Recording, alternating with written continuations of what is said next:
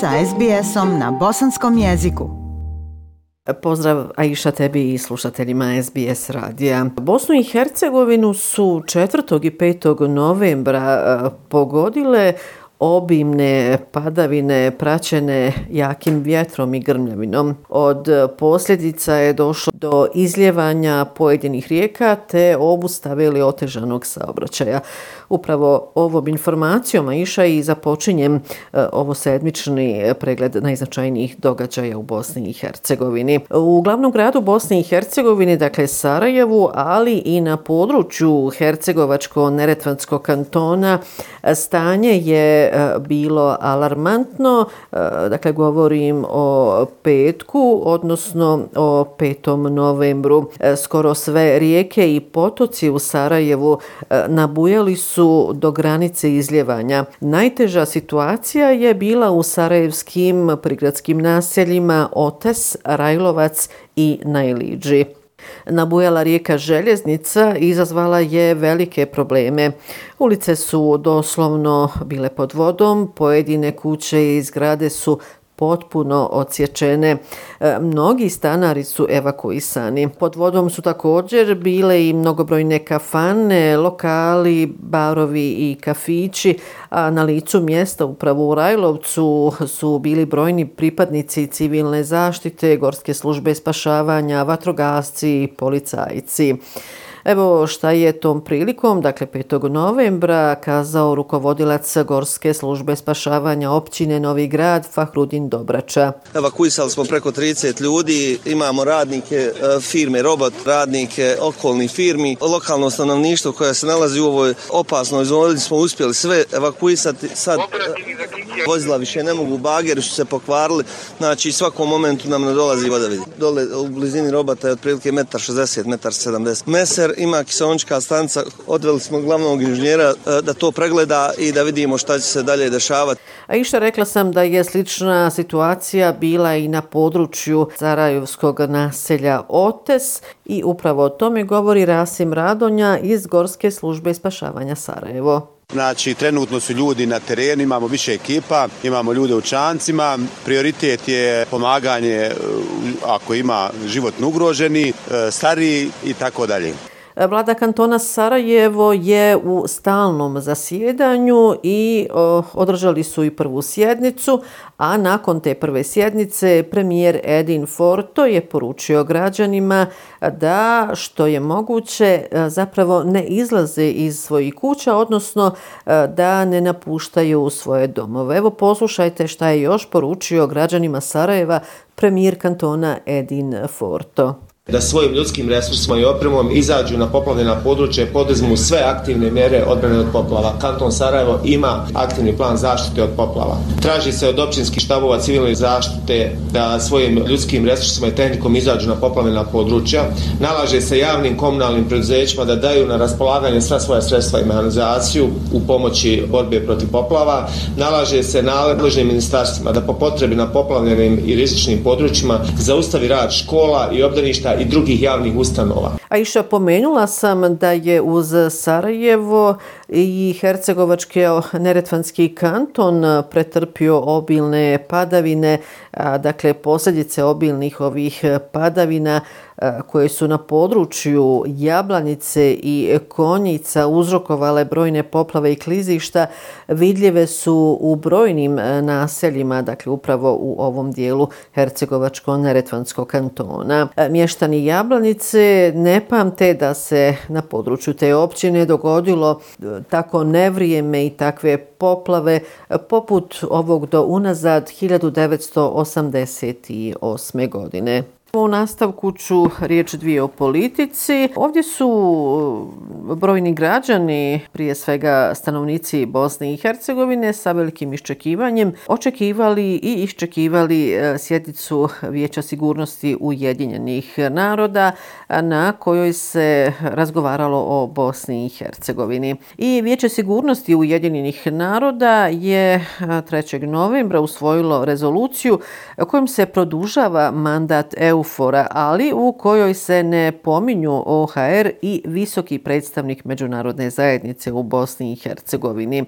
Jednoglasno sa 15 glasova za, misija Eufora produžena je za narednih 12 mjeseci. Ono što je simptomatično ili osnovna karakteristika je da Vijeće sigurnosti Ujedinjenih naroda nije dozvolilo obraćanje Kristijana Šmita, novog visokog predstavnika u Bosni i Hercegovini, upravo pred članovima ove i tekako važne institucije. U prevodu Kristijan Schmidt je prvi visoki predstavnik kojem je zabranjeno da se obrati u Ujedinjenim narodima. Rekla bih neslavan početak njemačkog diplomate upravo na samom početku mandata visokog predstavnika. Moram reći da je pao u drugi plan i njegov prvi izvještaj koji je procurio u ovdašnjoj, dakle u BiH javnosti, E, bio je to, evo kratko ću reći, oštar i precizan izvještaj o stanju u Bosni i Hercegovini, dakle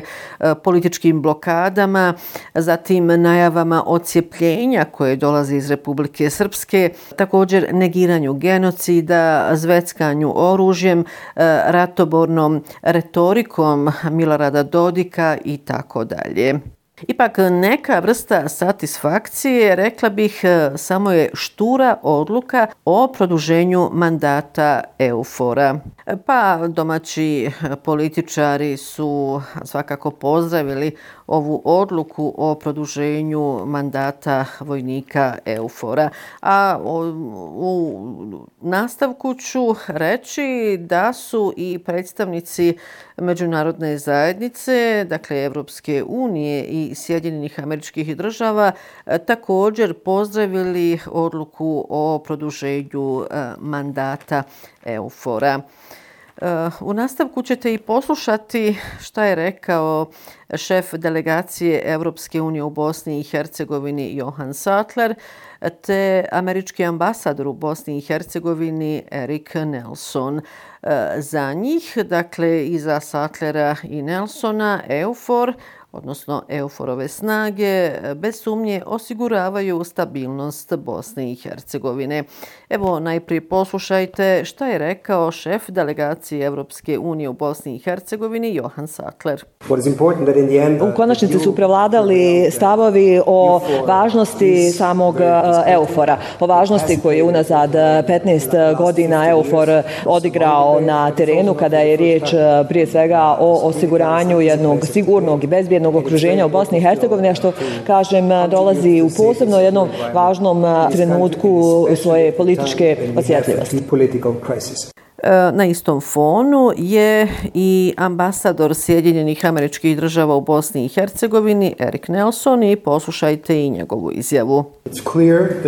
To samo po sebi govori o nesumnjevo važnoj ulozi Eufora kada je riječ e, o daljem osiguranju suvereniteta, stabilnosti, teritorijalnog integriteta Bosne i Hercegovine i naravno važnost e, omogućavanja adekvatnog rada visokog predstavnika. Uh, are essential. Da, Semra, a šta kažu građani Bosne i Hercegovine? Da li je prisustvo esforovih snaga dovoljna garancija mira i stabilnosti? E, pa Aisha, dobro ti je pitanje. Naravno, najvažnije je šta kažu građani, odnosno da li oni misle da su snage Eufora, dakle vojnici e, koji su ovdje, e, na neki način garant mira i stabilnosti Bosne i Hercegovine. Poslušajte ovu anketu među građanima. Svakako da jeste sigurnije, ali moramo biti sigurni samo sami u sebi. Svakako da je ovo dobar pote što su radili jedine nacije. Imam iskustvo iz prošlog rata. Nisam baš optimista. Ja mislim da, da EUFOR može spriječiti da to zaustavi ko bi pokušao tako nešto da napravi. Da li EUFOR unosi neku sigurnost? Iskreno ne unosi. To im je dužnost napravo su međunarodna zajednica uradila plan imaju i održati ga moraju. E, za kraja iša, riječ dvije o koronavirusu, definitivno ovaj virus u Bosni i Hercegovini i dalje odnosi živote. E, broj umrlih iz dana u dan raste i ono se kreće između 30 do 40 osoba dnevno. Bolnice su gotovo u svim gradovima pune zaraženih. Pomoćnik federalnog ministra zdravstva Goran Čerkez kazao je je da početkom ove sedmice imamo 25% više zaraženih u odnosu na proteklu sedmicu. Prema njegovim riječima, više od 90% zaraženih koronavirusom koji su na bolničkom liječenju su nevakcinisane osobe.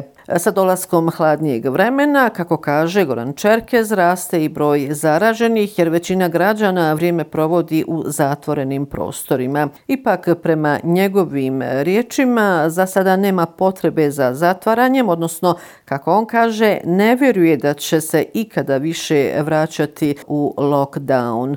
Prema riječima pomoćnika federalnog ministra zdravstva Gorana Čerkeza, lockdown je imao smisla i svoj cilj u vremenu kada je i bio donesen. Eto, toliko je iša ovoga puta iz glavnog grada Bosne i Hercegovine. Još jednom vam lijepe pozdrave. Šalje Semra Duranović-Koso. Like, share, comment. Pratite SBS Bosnian na Facebooku.